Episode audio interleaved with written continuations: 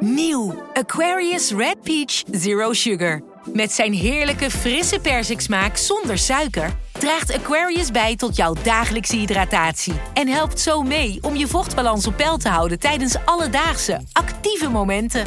Thuis, op het werk of onderweg. Ook verkrijgbaar in smaken lemon en orange. Probeer hem nu. Bij een juridisch conflict kun je het gevoel krijgen dat je in een rollercoaster bent beland. Je wereld staat op zijn kop en je bent de controle even helemaal kwijt. Dan is het fijn als je bent verzekerd bij ARAG. Daar werken topjuristen en advocaten die je begrijpen. Die een stap extra voor je zetten. En je het gevoel van controle teruggeven. Met kennis en informatie, met heldere uitleg en met gericht advies. ARAG, juridisch probleemoplossers.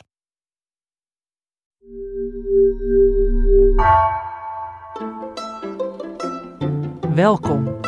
Wij zijn Onbehaarde Apen. Dit is een podcast van NRC over wetenschap.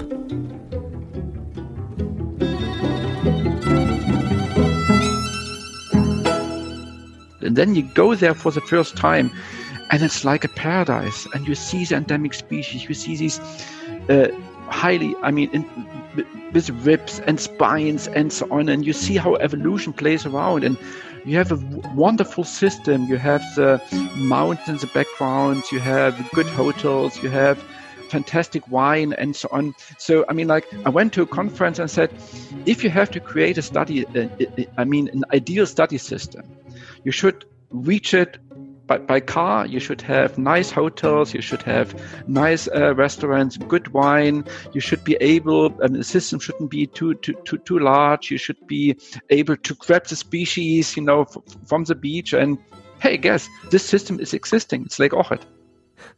Ja, een uh, paradijs omringd door bergen met goede restaurants en heerlijke wijn. Het klinkt als een soort reclamespotje, Marcel. Uh, Lake Orit, waar is dat? Ik wil er ook heen. Ja, uh, het, het, het schijnt inderdaad een fantastische plek te zijn. Ik ben er zelf helaas niet, nog niet geweest. Het wordt ook wel de parel van de Balkan genoemd. Jeruzalem van de Balkan. er zijn allerlei vergelijkingen gemaakt. Het is een, een prachtig meer bekend vanwege zijn enorme biodiversiteit. Eigenlijk, daar komt het op neer. Ja, want we gaan het natuurlijk helemaal niet hebben over goede wijn vandaag. Ik zit hier aan tafel met klimaatredacteur Marcel Aan de Brug. En mijn naam is Gemma Venhuizen. Uh, voor deze keer presenteer ik de podcast in plaats van Lucas, want ik ben een groot merenfan. En ik wil graag alles weten over Lake Orit. Marcel, je zei al, parel van de Balkan. Waar precies is het gesitueerd? Uh, op de grens van Noord-Macedonië en uh, Albanië. Het meer is um, uh, bijzonder ook omdat het een van de oudste en diepste meren is van Europa. En, uh, en wat ik al zei, een enorme biodiversiteit. Ik bedoel, als je het gaat bekijken op zijn oppervlak, dan wordt het tot een van de meest biodiverse meren ter wereld gerekend. Ja, en was dat, wie hoorden wij hier net praten in dit spotje? Was dat een wetenschapper die onderzoek doet aan die biodiversiteit? Ja, um, dat was uh, Thomas Wilke. Uh, hij is evolutiebioloog en hoogleraar uh, aan, de, aan de universiteit in Gießen. En hij houdt zich voornamelijk bezig met de evolutie van slakken. I'm a snail guy, zei hij ook. En die zijn ook volop te vinden in dat biodiverse meer. Die zijn onder andere, ja, want hij heeft mij onder andere ook nog wat foto's gestuurd. En uh, ja, prachtig, uh, ziet er prachtig uit. Marcel, wat maakt nou dat jij dacht Lake Orit is een bijzonder meer. Ik zei net al, ik ben een merenliefhebber. Ik heb toen ik aardwetenschappen studeerde, uh, heb ik nou tientallen meertjes in Noord-Finland ook bemonsterd okay. met een rubberbootje. Um, en oh, van wow. Lake Orit had ik nog nooit gehoord. Maar wat, wat maakt dit... Nee, dat was voor mij ook zo. Uh, dus uh, de onbehaarde chef Aap Lucas, die, die schoof mij een, een, net gepubliceerd artikel, dat is al een paar maanden geleden, net, net gepubliceerd artikel toe. En die, vroeg mij van, is dit iets? En ik ging lezen en ik was nou, al snel heel erg gegrepen, want ze hebben daar heel bijzonder onderzoek gedaan. En vervolgens ging ik mij verdiepen in dat meer. En het blijkt inderdaad een, een heel, heel bijzonder meer te zijn ik hoor al een paar termen. Een oud meer, een diep meer, een, uh, een soortenrijk meer. Dat alles maakt het een soort schatkist voor wetenschappers, kan ik me voorstellen. Ja, en dat is um, vooral die ouderdom. Ze dachten eerst dat het ergens tussen de 2 en 5 miljoen jaar oud is, als een soort gevormd door tektonische activiteiten. Nou, dat, dat zal jou ook interesseren als aardwetenschapper. Uh, het zit een beetje aan het eind van de Alpenvorming. Ja, dus dat ze echt hè, door het verschuiven van de aardplaten, door, uh, dat het op die manier is ontstaan. Precies. En dat er een, um, op die plek waar nu het meer ligt, de, de, de bodem eigenlijk als het ware is uitgerekt. En dat er een soort badkuip is ontstaan. Het idee was ergens tussen de 2 en 5 miljoen jaar geleden. Maar het onderzoek wat zij nu hebben gedaan in de bodem van het meer. Uh, ze komen uit op uh, ongeveer 1,4 miljoen jaar geleden is, het, uh, is er voor het eerst water, uh, is het meer zich gaan vormen. Nou, dus het is, het is, een oud meer, maar niet zo oud als, als werd gedacht. Nee, maar het is wel dus nog steeds, en er zijn op die plek ook nog wat andere meertjes. Vlak naast Lake Orrit ligt ook Lake Prespa. En in Noord-Griekenland heb je nog een aanverwant meer wat in diezelfde tektonische activiteit ook is min of meer is gevormd. Maar uh, oudere meren in Europa uh, vind je niet. Dat is vooral de Balkan. En toch is dat onderzoek nu pas op gang gekomen. Jarenlang is Lake Orrit vrijwel genegeerd door de wetenschap. Hoe kan dat? Ja, uh, dat klopt in zekere zin. Uh, er is wel een Servische bioloog die tussen de Eerste en de Tweede Wereldoorlog heel veel van de biologie in en om het meer heeft opgetekend. Uh, Sinisa Stankovic, die uh, later ook nog uh, binnen Joegoslavië, de, nou, hij wordt de eerste president van Servië genoemd. Um, dus die heeft daar al wel aan gewerkt, maar vervolgens is het, is het, heeft het inderdaad decennia lang stilgelegen. Ik bedoel, er waren natuurlijk ook ja, Joegoslavië is, is opgebroken, er, zijn, er is oorlog geweest. En daar had ik het met uh, Wilke ook over. In the 90s, we had civil wars. So it was really difficult to get there. And people said, oh, you cannot visit Lake Ohrid. It's a refugee camp and you have landmines all over the place. It turned out to be all not true, you know. But uh, uh, basically, it was. And and you try to get in contact. So you would write to scientists there and they would never answer. And then in the end, we just booked a flight and we went there and had a bottle of schnapps and uh, and then this is how we establish collaboration. nou, je hoort al, Wilke die, uh, die drinkt wijn en schnaps, dus uh, nou, die heeft het daar wel naar zijn zin. En uh, nou ja, we, we praten daar verder over. Hij, hij is echt helemaal verslingerd geraakt aan dat gebied. I went there the first time in 2003 and I really fall in love. Yeah, and, and this is true for most of our students and so on. And we have been back 30 times or so, and it's it's a wonderful system, and it really lets my heart bleeding if I see how corruption changes a city. You see all these hotels popping up, and the speedboats, and the wheat belts destroyed, and and and so on. And it's it's it it you know it it really makes me sad. Ja, dus wat Wilke hier eigenlijk zegt is dat ook de omgeving van Lake Orrit in hoog tempo aan het veranderen is. Ja. Maar tegelijkertijd, uh, waar het onderzoek zich op heeft gefocust, de meerbodem, dat lijkt me toch een vrij onverstoord, onverstoord systeem. Ja, dat, is, uh, dat ligt er en dat heeft zich daar in uh, die 1,4 miljoen jaar opgebouwd. En dat, dat is ook wat hun interesse had.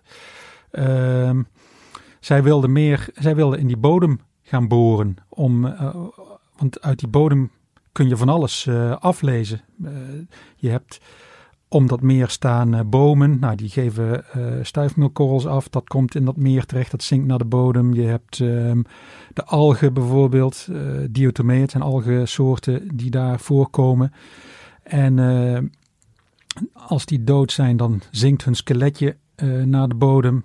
En iedere soort heeft een ander skeletje. Dus je kunt afhankelijk van een ijstijd, tussenijstijd, uh, veel regen, veel, uh, noem maar op. Je kunt dus heel veel aflezen aan de, de soorten die je daar in die bodem vindt, of aan de stuifmeelkorrels, wat voor omstandigheden de, daar, uh, wat voor omstandigheden daar, daar zich hebben afgespeeld in die afgelopen 1,4 miljoen jaar. En er is geen enkel meer ehm, waar ze zo'n lange periode onafgebroken uh, data over hebben. Ja, want wat jij zegt, het is dus eigenlijk één enorm continu klimaatarchief. Ja. En ik weet eh, van Nederland hebben we ook wel meertjes die er sinds de laatste ijstijd zijn. Ja. Dus hè, zeg je ruim 10.000 jaar. Is ook al interessant om te zien hoe toen de vegetatiesamenstelling is veranderd in de omgeving.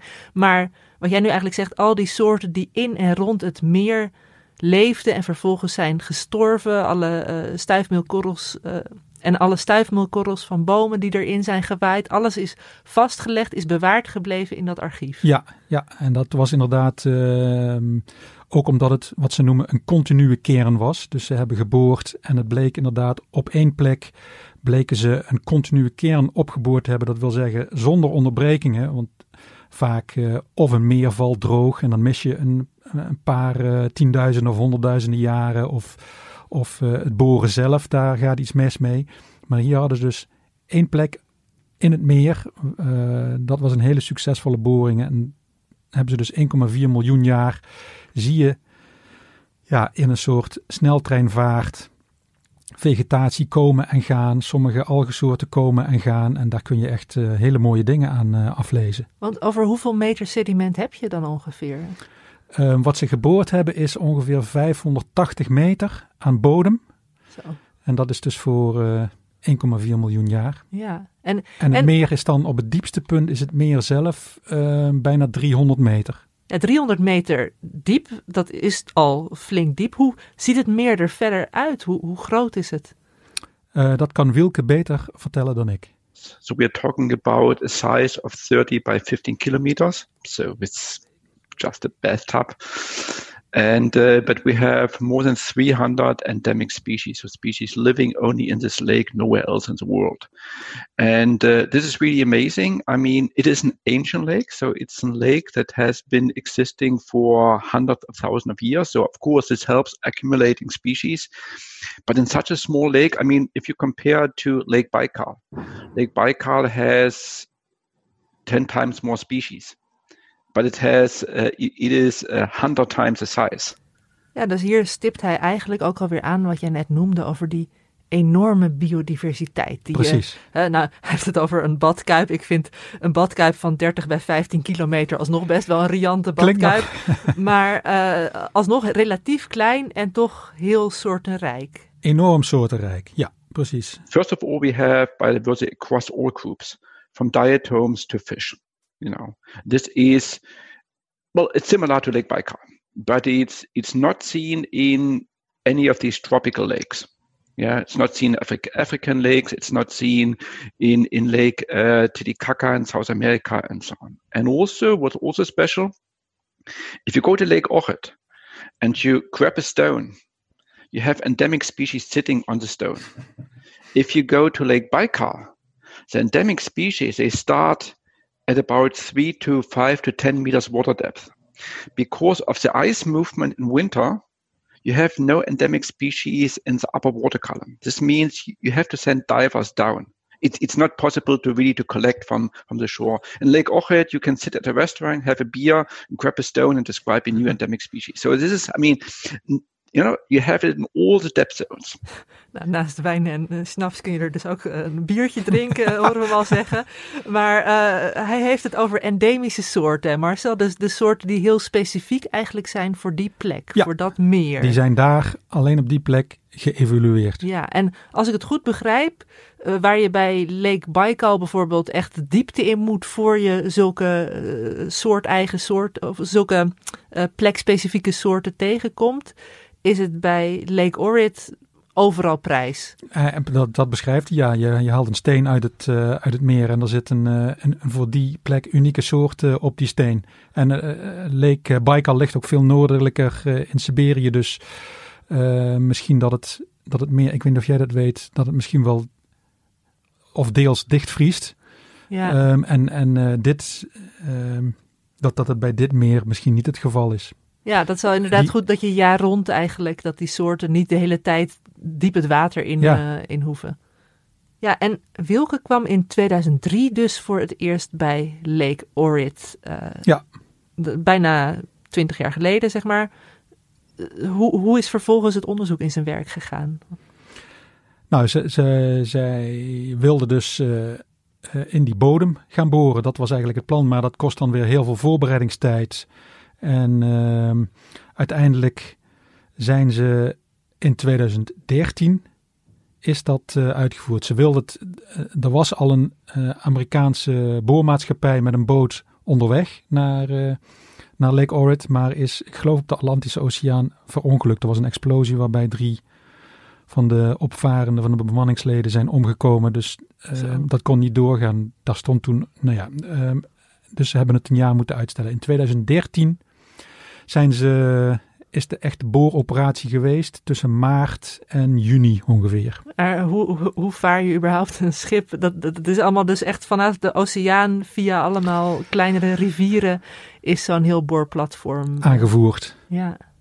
Ja, dus 2013 zijn ze begonnen. Ja. Dit project uh, kostte heel veel uh, tijd om voor te bereiden. En uh, daar heb ik het ook over gehad met de andere coördinator, Berend Wagner. But on the, other hand, um, what, what you also may realize is such a project takes about between, let's say, between five and 10 years from the start of such a project to be realized, just a drilling operation. And then you have another six to eight years of science behind. So you have a total project duration of 15 to 20 years. And this means, on the other hand, you will do it once in your in your scientific career. and twice, in, in this way, you, you may, yeah, I mean, you, you may you may join other projects, but but if you if you had such a project, you, you can do it only once in your scientific career. It's not going to get better. No. yeah, als je Wagner en Wilke zo met elkaar hoort praten, dan het klinkt echt als hun levenswerk. Ja, ja dat, dat is het ook. Maar ja, je moet je maar voorstellen, twintig jaar op een project, tien jaar voorbereiding, dan de boring en vervolgens nog jaren en jaren om die, uh, die boorkern uh, minutieus te onderzoeken, st stukje voor stukje. Uh, en dan vervolgens, ehm, ik bedoel, ze hadden, in 2013 is die uitgevoerd, ze hadden nou een paar jaar daarna hadden ze wel wel de eerste publicatie, maar alleen maar over de, over de, de het eerste stukje de, ruim een halve kilometer aan sediment. ik, want nou, ik vertelde, ik heb, ik heb dus veel veldwerk in Finland gedaan met uh, rubberbootjes. En dan hadden we ook een, een, een, een, ja, hoe noem je dat? Een, een, een, bodemboor noem ik het maar even. Waarmee we, ik denk, de bovenste 20, 30 uh, centimeter van de ja? meerbodem bemonsterden. En dan gingen we ook kijken of er fossiel stuifmeel en fossiele muggenlarven in zaten. Maar dat was echt uh, een heel handzaam apparaat als ik het hiermee vergelijk. Want hoe moet ik me dat voorstellen? Een boorkern van ruim, ruim 500 meter. Gaat er dan in één keer een super diepe boor de bodem in? Of? Uh, het gaat met stukjes. En uh, wat, uh, ik, ik heb ook nog mailcontact gehad met twee postdocs. Die uh, ook echt op het boorplatform zelf hebben gewerkt. En die beschrijven het ehm, ze, er wordt steeds in stukjes van uh, drie meter wordt er uh, geboord en naar boven gehaald. Um, hoe het in zijn werk ging, ze hebben in, uh, in, uh, in Pestina, in het, ongeveer aan de oostkant van het meer, hebben ze bij een hotel, Hotel Deseret, want die reeks meren die we het begin over hadden, dat is de Deseret groep. Het hotel heet Deseret. Daar hebben ze een deel van afgehuurd hebben ze uh, een deel als labs, uh, tijdelijke labs ingericht en hotelkamers waar mensen konden slapen. Nou, uh, deze twee eh, postdocs, ehm, die beschrijven dan dat zij met z'n tweeën op één kamer liggen en zij werken allebei in shifts. dat zijn 12 uur shifts. Dus de, de, ene heeft van 7 s avonds tot 7 s ochtends en de andere van 7 s ochtends tot 7 s avonds. En dan uh, gaan ze met een speedboot uh, naar dat boorplatform. Daar zijn ze dan met in totaal zeven mensen, drie boorders en uh, drie of vier studenten of postdocs. En die moeten daar het harde werk doen. Dus nou ja, meehelpen. de, de booractiviteiten moeten ze documenteren. ze moeten meehelpen die boorkernen naar boven te halen. Ze moeten de boorkern uit de buis halen. Ze moeten meteen beschrijven wat ze zien. Ehm, ze moeten meteen monsters nemen van de boven- en onderkant. en dat is voor weken achter elkaar? Maanden? Hoe, ja, hoe lang? maanden van maart tot juni. Ehm, nou ja, dus ik heb hen ook gevraagd hoe dat daar zo was, zo, zo, dat leven. Nou, in er is helemaal geen tijd voor snaps en wijn. dat zei Wagner ook op een gegeven moment. Ik bedoel, de, de studenten komen met grote verhalen aan, maar na een paar dagen zijn ze zo moe dat ze alleen maar willen slapen. Ehm, deze twee postdocs, nou ja, hebben, hebben, ze beschrijven bijvoorbeeld dat ze heel veel eh, omelet met kaas eh, hebben ontbeten. eh, too many fried potatoes, overcooked pasta, maar ook hele lekkere shopska salad. Eh, dat is een Bulgaarse eh, salade met de Bulga- Bulgaarse vlagkleuren eh, wit, groen en rood erin. Komkommer, paprika, tomaat, noem maar op. Maar Ze hebben ook gaan- nog een eh, culinair we, we gaan hier geen kookprogramma. eh, ja, precies. Dat- Heel veel boterkoek wil ik nog even zeggen. Ja, oh ja, dat- dat- je moet het toch ergens op volhouden, die twaalf uur aan één stuk door. En, Ja. Maar dat was dus eigenlijk heel fysiek werk. Gewoon de hele tijd weer die monsters naar boven halen. Die, die boorkernen van drie meter Ja. per keer. En, En, ze hadden dus ja, en ze hadden vier plekken in het meer uitgezocht waar ze wilden boren. En per plek doe je dan ook nog het liefst ehm, meerdere boringen naast elkaar. Want als je maar op één plek boort, dan eh, loop je ook weer het risico dat je steeds stukjes van drie meter omhoog haalt. En dat daar stukjes tussen, die tussenstukjes, dat daar misschien iets van verloren gaat. Dus je, ehm, je doet ook parallele boringen op één zo'n plek. En dat wilden ze, Wagner zei, liefst vi- vier. Maar uiteindelijk hebben ze door tijd- en geldgebrek volgens mij eh, hebben ze tot twee of drie beperkt. Ja, en, en dan heb je dus een enorme hoeveelheid stukjes boorkern van drie meter. Precies. Die je allemaal netjes in de goede volgorde hebt laten liggen als je geluk hebt. Eh, wat gebeurt er daarna mee? Wat, Eh, daar heb ik het weer met iemand anders over gehad, Alexandra Svetkoska. Eh, zij is een van de diatomeeën-specialisten, dus die algjes met hun silica-skeletje waar we in het begin over hadden. Ehm, die kan zij als geen ander op soort eh, onderscheiden. Eh, enorm eh, precies werkje. En zij vertelt wat er met die kernen gebeurt. everything was labeled, organized there. We were also there, so we, we used microscopy to analyze these uh, smear slides from the core catcher samples. And after um, every core was kind of preliminarily analyzed, they were stored in a big container. There was a huge container. So, and those were stored there. And then after the end of the campaign, they were transferred to the University of Cologne. ja, dus die, die boorkernen zijn eh, naar Keulen verscheept. En zijn ze daar vervolgens in de vriezer beland? Of moet je ja, koud wat je, bewaren, wat je denk altijd ik? doet met een boorkern is je, je zaagt hem over de lengte helemaal eh, in, in, in half, eh, in tweeën. En de ene helft die eh, wordt dan bestemd voor het onderzoek en de andere helft die archiveer je en die is dan eh, eh, opgeslagen in Bremen in een, in een speciale ruimte. Een soort backup. Ja. Hoeveel onderzoek is er sindsdien al naar gedaan? Ik bedoel, zijn er naast diatomeeën ook nog andere dingen? Zijn er, zijn er al, is er al fossiel stuifmeel onderzocht? Stuifmeel, ja, en daar hebben we weer een andere specialist voor. Dat is het, onder andere Timme Donders van de Universiteit Utrecht. Die heb ik, eh, daar ben ik eh, bij in het lab geweest. En ehm, nou ja, hij is gespecialiseerd in pollen, dus eh, hij kan in al die kernen en al die laagjes die ze hebben onderzocht precies zien welke soorten bomen er voorkomen. Kan elke wetenschapper zich daar zo op inschrijven? Ik bedoel, kon Timme Donders contact opnemen met Wagner en Wilke van... hey, geef mij ook een stukje kern? Of Eh, ze hebben eh, op een gegeven moment zijn ze bij elkaar gekomen in Rome en daar hebben ze het zogeha- zogeheten Rome-protocol opgesteld. En ja, zoals het altijd gaat in de wetenschap, zijn natuurlijk stukjes, eh, intervallen in de tijd waar, waar iedereen een beetje op aast. Want dat is, nou ja, het zijn belangrijke stukken die bijvoorbeeld heel erg lijken op veranderingen die in de toekomst eh, veranderen, of, of zoals ze nu aan het veranderen zijn. Het is een soort analoge voor toekomstige verandering. En zo'n periode was bijvoorbeeld? En eh, nou, een bekende is eh, wat je, het Marine Ice Top Stage 11. Dus dat eh, al die, die ijstijden en tussenijstijden die zijn eh, genummerd. Ehm, en die zijn, eh, nou, nummer 11 is, eh, dan moet ik even spieken, eh, 300.000 jaar geleden. 400.000 jaar geleden. En ehm, dat was een warme periode, net iets warmer dan nu eigenlijk. En die ook qua zonneinstraling, dat is dan belangrijk voor de klimaatstatus, klimaatcondities, uh, heel erg leek op de situatie nu. Ehm, en mogelijk ook wat hogere eh, CO2-condities had of CO2-concentraties had. Niet zo hoog als nu, maar wel hoger dan gemiddeld. Nou, dus dat zijn dan, hè, iedereen wil dat stukje. En die preparaten, dat zijn dus preparaten uit de boorkern? Ja, ja dus, dus um, nou ja, afhankelijk van het onderzoek wat je wil doen, um, ga je kiezen over die uh, eh, 500 meter boorkern.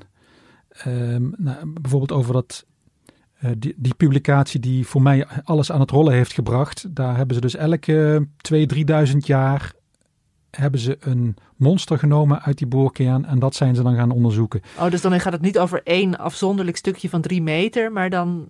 Nee, dus over die hele halve kilometer um, pak je steeds om de zoveel centimeter een stukje dat je denkt van nou, ik heb dus elk 3000 jaar, 3000 jaar later, weer 3000 jaar later, weer 3000 jaar later, tot.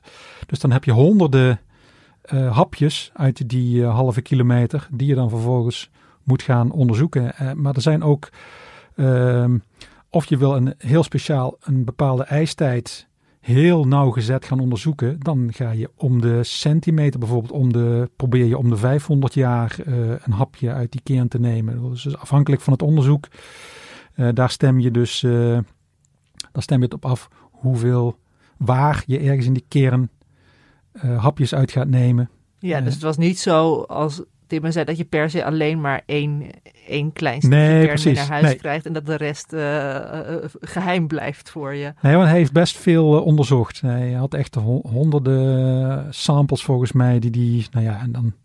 Ja, en, en wat zat er in die samples? Nou ja, daar zit dus sediment, zand zit erin, maar er zit ook, dus wat hij bekijkt, die, die pollen, maar ook diatomeeën. En nou ja, afhankelijk van jouw specialisme moet je eerst het, uh, het, uh, het, het hapje wat, wat jij toegestuurd hebt gekregen, al die hapjes, die moet je dus gaan schoonmaken. Uh, Alexandra vertelde dat bijvoorbeeld ook, dat je, je gaat er chemicaliën op loslaten, zodat al het organisch materiaal verdwijnt, alle pollen worden vernietigd. Um, ja, en dat pollen, uiteindelijk... dus stuifmeel, dat is juist wat Donders wel wil behouden. Precies, dus hij, hij behandelt het weer anders. Uh, Alexandra houdt dan alleen de diatomeeën over. Tomme houdt, of Timme houdt alleen de, de pollen over. Ja, nou, ik, herinner me dat ik dat ook wel heb gedaan, zo onder de microscoop. Ik werd er af en toe een beetje high van, van die, uh, van die preparaatvloeistof. Maar het is mooi hoor. Heb jij ook met, met hem meegekeken door de ja, microscoop? Ja, ja, ja. Wonderlijk, wonderlijk. Het is heel mooi hoe zij op soortniveau, op de aller, aller, aller kleinste details, weten zij waar ze naar kijken. Um, en, uh, nou ja, dus ik heb meegekeken met Timme, die heeft uh, wat preparaten onder de microscoop gelegd. In eerste instantie een netpreparaat uit een uh, Noord-Duits bos en daarna een preparaat uit Lake Orrit. Oké, okay. even. Ja. een mooi preparaat. Ik heb, laat eerst even een preparaat zien van wat materiaal uit Noord-Duitsland in dit geval. Ja, waar dus al die vormpjes in zitten. Allerlei vormpjes, klein, groot. Ik zoom nog even wat in.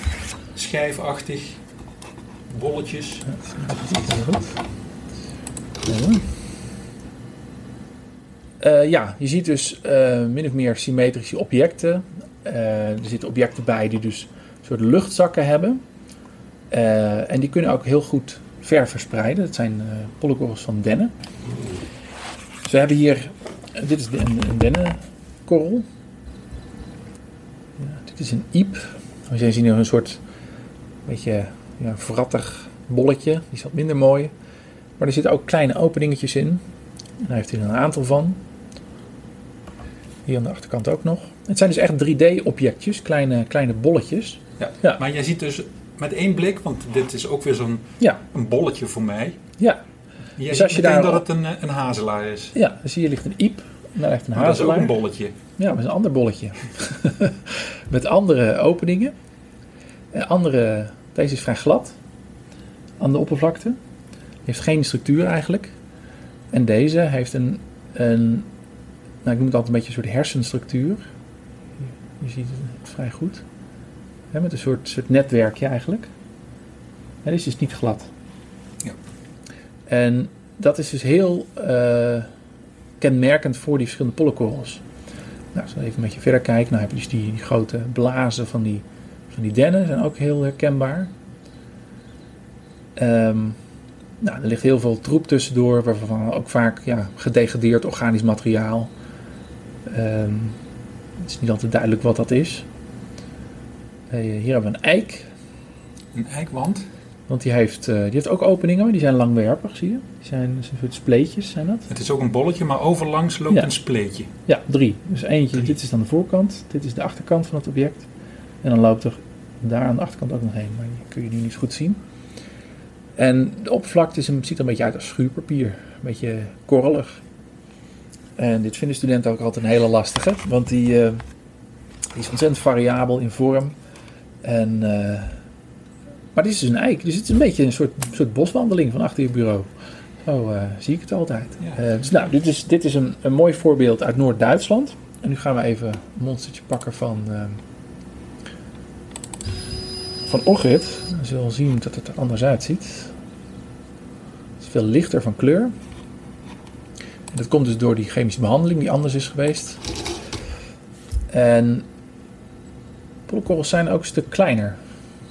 Het is allemaal wat, ehm, wat leger.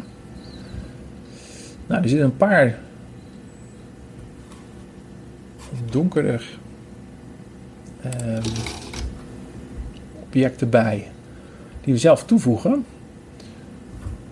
En dat zijn sporen van lycopodiums van wolfsklauw. Dat is dit ding. En eh, die voegen toe, eigenlijk een, eh, als een tabletje. Ik heb hier een potje staan. Dat zijn gewoon een soort pilletjes. Gewoon Een potje pillen. En daar zitten dus iets van 10.000 van dat soort spoortjes in Per pil. per pil. En die zijn dus gekwantificeerd in een lab. En die voegen we toe bij het eh, opwerken, zodat we aan de hand van hoeveel we terugvinden, kunnen we terugberekenen wat eigenlijk de originele concentratie was van die pollen. En dat zegt ook weer iets over de dichtheid bijvoorbeeld van het bos. Dus niet alleen kijken van welke soorten komen er eigenlijk voor en eh, hoeveel daarvan, maar ook eh, hoe divers ehm, waren ze. Nou, je ziet al dat dit er een stuk minder eh, mooi uitziet eigenlijk. Het is minder duidelijk, maar ook hier zitten dus dennen in. Je ziet ook weer zo'n soort, noem het altijd een beetje Mickey Mouse oren zijn het. Een soort grote luchtzakken. En die dennen die zien we ongelooflijk veel in dit gebied, omdat het bergachtig is. Hè, dus er zijn veel dennenbossen. Ehm, maar ook omdat het meer zo groot is. Doordat die zo goed kunnen verspreiden, komt er ook eigenlijk relatief meer van dat dennenpollen in, ehm, in het meer terecht. Ja, daarnaast ligt een hele grote, die lijkt wel wat op die. eh, eh, Beeldvullend. ja, beeldvullend. En dus dan heb je het over ongeveer 100 micrometer, 150. Ehm, en die ziet er eigenlijk qua vorm een beetje hetzelfde uit als die, als die den. Maar, di- maar veel groter, veel robuuster. En dat is een, een spar. Is een zilverspar in dit geval. Die komt daar ook voor. Die komt niet voor in Nederland eh, natuurlijk. Nu wel, want we hebben hem aangeplant. Maar die hoort hier helemaal niet thuis. Komt het allemaal weer terug, Gemma? Ja, het, komt echt enorm terug. Ja, ik, heb, ik voel meteen die eh, dampen weer. Nou, ik weet, eh, ik weet wel toch ook waarom ik uiteindelijk geen eh, palinoloog, dus geen pollenkundige ben geworden. Ik vond het heel leuk en heel interessant, maar het is wel eindeloos veel tellen en turven en analyseren en, en turen door die microscoop. Dus ik vond het heel leuk om weer even mee worden, te worden genomen op die boswandeling. Dat zeiden Tim en Alexandra ook allebei. Ik bedoel, je, ja, dag in, dag uit. Ehm, week in, week uit. Ehm, je, ja, je hebt eh, behoorlijk uithoudingsvermogen nodig ehm, om dat eh, te doen. Het is echt monnikenwerk. Nou, je moet dus nagaan dat je zo'n analyse doet. Daar ben je dus een, nou, misschien een dag mee bezig met zo'n, met zo'n monster. Kijk, als een, mooi monster wat goed bewaard is, kan ik in twee, twee, drie uur analyseren. Maar als het een mo- moeilijk monster is, zoals deze, eh, ja, ben je gewoon echt een dag bezig, of misschien wel twee. En Dan heb je honderden monsters. dan heb je honderden monsters, maar goed, die hebben dus samen. Dus iedereen heeft misschien honderd monsters eh, geanalyseerd voor die, ehm, ja, voor die totale record. Eh, ja, dan kom je dus uh, aan, nou ja, reken maar uit, maanden werk, ja. Uh, en dan, maar goed, jaren nou jaren ook, want je moet dan eens een keer terug en uh, discussie over heb ik het uh, goed gedaan. Dus een aantal van die analyses wil je nog een keer doen. En volgens de data-analyse, dan heb je alleen maar een heleboel tellingen. Dan heb je nog geen, heb je nog geen wetenschap. dus dan, dan begint eigenlijk pas de wetenschap. nou, als ik het zo hoor, is er nog steeds ook de komende jaren genoeg werk te verzetten. maar kunnen we toch voortijdig al wat conclusies trekken, Marcel? Wat hebben ze tot nu toe van ja, Leek Ochrit, moet ik geloof ik zeggen, als ik Tim Donders hoor. Wat, wat hebben ze geleerd van het meer? Nou, uh, wat ze eruit hebben geleerd, uh, voor mij in ieder geval uh, al drie dingen. Dus nou ja, ten eerste de, de vegetatie om het meer. Timme zelf heeft bijvoorbeeld, hij liet mij ook zien over die hele tijdsperiode. Nee, hij heeft over de eerste 500.000 jaar, dus tot 500.000 jaar geleden, liet hij mij zien. Uh, bijvoorbeeld loofbomen ingedeeld en uh, naaldbomen, uh, grassen. En dan zie je dus een heel mooi ritme over de ijstijden en de tussenijstijden. Je ziet de loofbomen met de ijstijden langzaamaan wegtrekken. Niet helemaal, maar heel veel soorten die, die dan worden. Dus hoeveel ze daar voorkomen. Dat wordt veel minder. Je ziet die grassen opkomen, je ziet steppenachtige planten uh, opkomen. En dat was heel mooi om te zien. En wat hij dan uh, heeft uh, ontdekt voor die periode is dat het meer, omdat het zo'n enorme watermassa was. Um, um, en water is een, een hele goede buffer.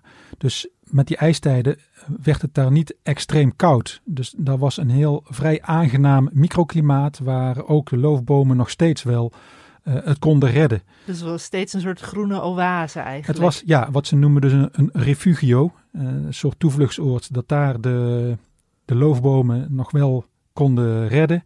En nou ja, en zo'n tussenijstijd, de ijstijd loopt af, uh, het wordt weer warmer en van daar gaan ze dan vervolgens weer noordwaarts verspreiden. En dat vond ik bijvoorbeeld nou ja, leek Ochrid als een soort toevluchtsoord voor de, voor de, voor de loofbomen.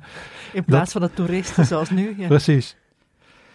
En dan als tweede, en dat is eigenlijk zo'n beetje de eerste publicatie die ze naar buiten hebben gebracht uh, over de hele uh, boorkern, over die 1,4 miljoen jaar geleden. Dat was ook meteen een publicatie in Nature. En dat is, een, dat is uh, klimaatgerelateerd. En ze hebben dus ontdekt dat ehm, de Afrikaanse moesson, die heeft een soort periodiek. En uh, als, de, als de moesson heftig is, dan, uh, dan uh, voedt die als het ware het, eh, het Middellandse zeesysteem in de zomer. En uh, dat voeden wil dan zeggen dat, ehm, dat er in de zomer daar meer water kan verdampen. En dat je in de nazomer, in de, in de herfst, in oktober, november, dat je daar veel meer regenval hebt. En dat geldt zowel voor de Middellandse Zee als voor Lake Ochrid dan?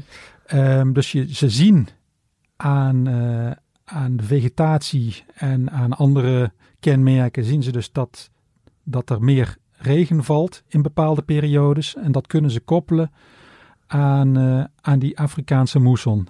En wat, wat Bernd Wagner uitlegde, is uh, dat die moesson het Middellandse zeesysteem voet. En met name rondom Genua bijvoorbeeld is een legendarisch, um, vaak een lage drukgebied uh, in, de, in de zomer. Ik weet niet of je nog herinnert, twee jaar geleden dat die uh, die brug is ingestort. Ja, zeker. Dat was een heftig, nou ja, iedereen had het over uh, slecht brugonderhoud. Maar ze zijn inmiddels ook aan het kijken of misschien de weersomstandigheden daar. Want er was een, een heel heftig onweer op dat oh, moment. Nou, ik was vorig jaar in Genua en toen, ik kan me er wat bij voorstellen. Want toen ja? was het ook opeens code oranje uh, ja, van, uh, door het weer. Omdat er een enorme storm los, losbarst en de bliksem echt... precies. Dus ja. ze zijn dan nu aan het kijken of dat misschien ook heeft bijgedragen aan het instorten van die, uh, van die brug. Maar in ieder geval, wat ik wil zeggen, ex, dus vanuit die Afrikaanse moesson komt er extra warmte in dat systeem. En die extra warmte die leidt tot meer regenval in uh, oktober, november in Lake Orrit. En dat is uh, het tweede punt. En het derde punt, en dat is eigenlijk de publicatie waarmee het allemaal is begonnen. Uh, die kijkt naar uh, de diatomeeën. Daar heeft Alexandra bijvoorbeeld ja, ook heel dus veel werk de voor gericht. met hun kiezelskelet. Precies. En dan kun je, zij kan dus al die soorten onderscheiden. En wat je dan ziet, is op het moment dat het meer zich vormde. In de eerste fase was het nog vrij ondiep. Want die tektonische activiteit die is gewoon uh, doorgezet tot op de dag van vandaag. Er zijn nog steeds heel af en toe aardbevingen. Dus het meer is in de loop van de tijd steeds dieper geworden. In het begin was het nog ondiep, gingen soorten zich daar uh, vestigen. En uh, wat, wat zij terugzien is veel soortvorming in het begin. En ook ehm, uitsterving van soorten, omdat ze toch nog niet genoeg aangepast zijn aan de nieuwe omstandigheden.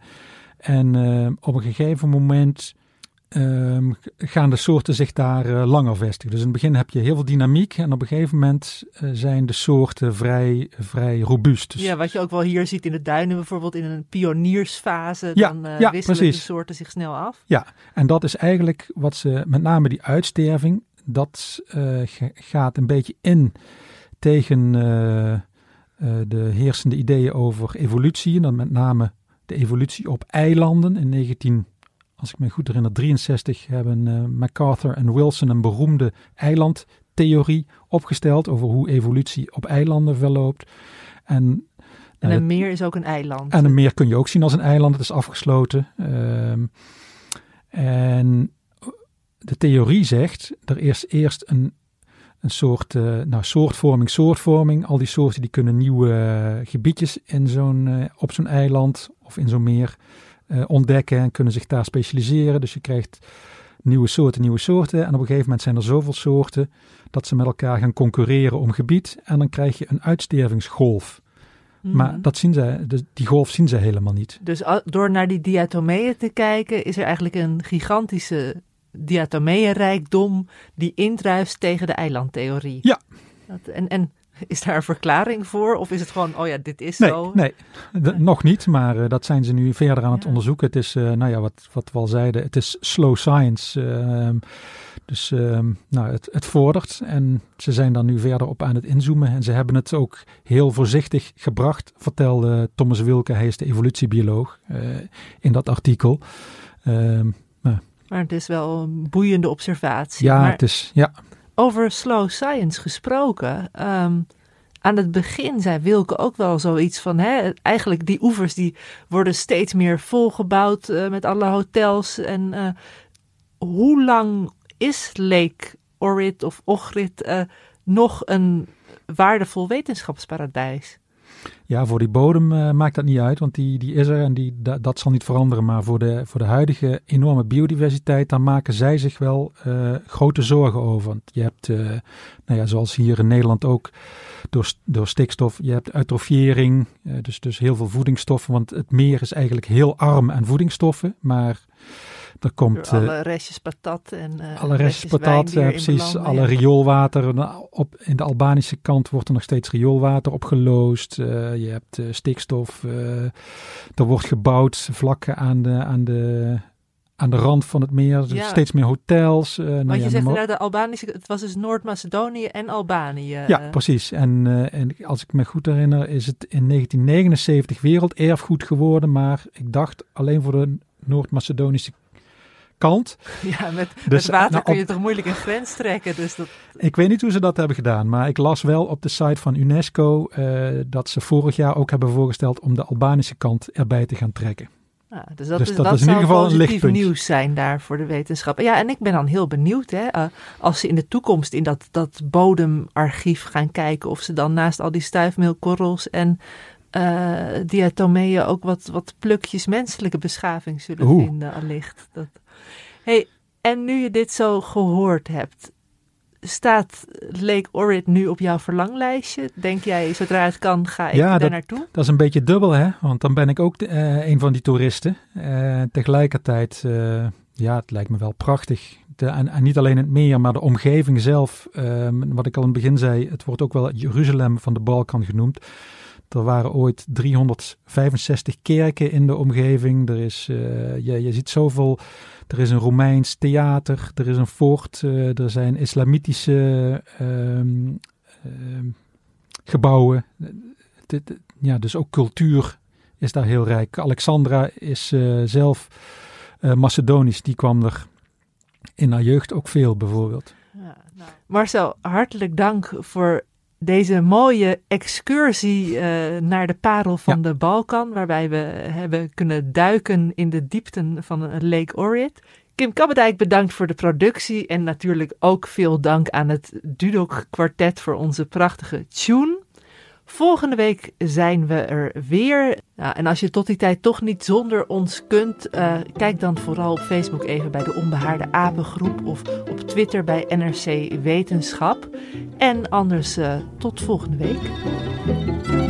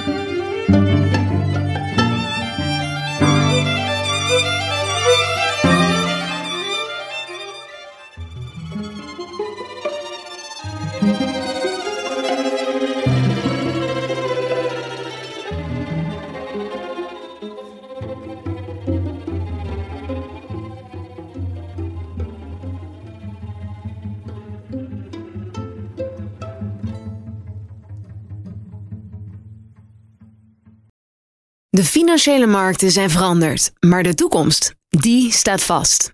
We zijn in transitie naar een klimaatneutrale economie. Dit biedt een van de grootste investeringskansen van onze generatie. Een kans voor u om mee te groeien met de pioniers van morgen. Meer weten? Ga naar carbonequity.com. Carbon Equity. Do good by investing better.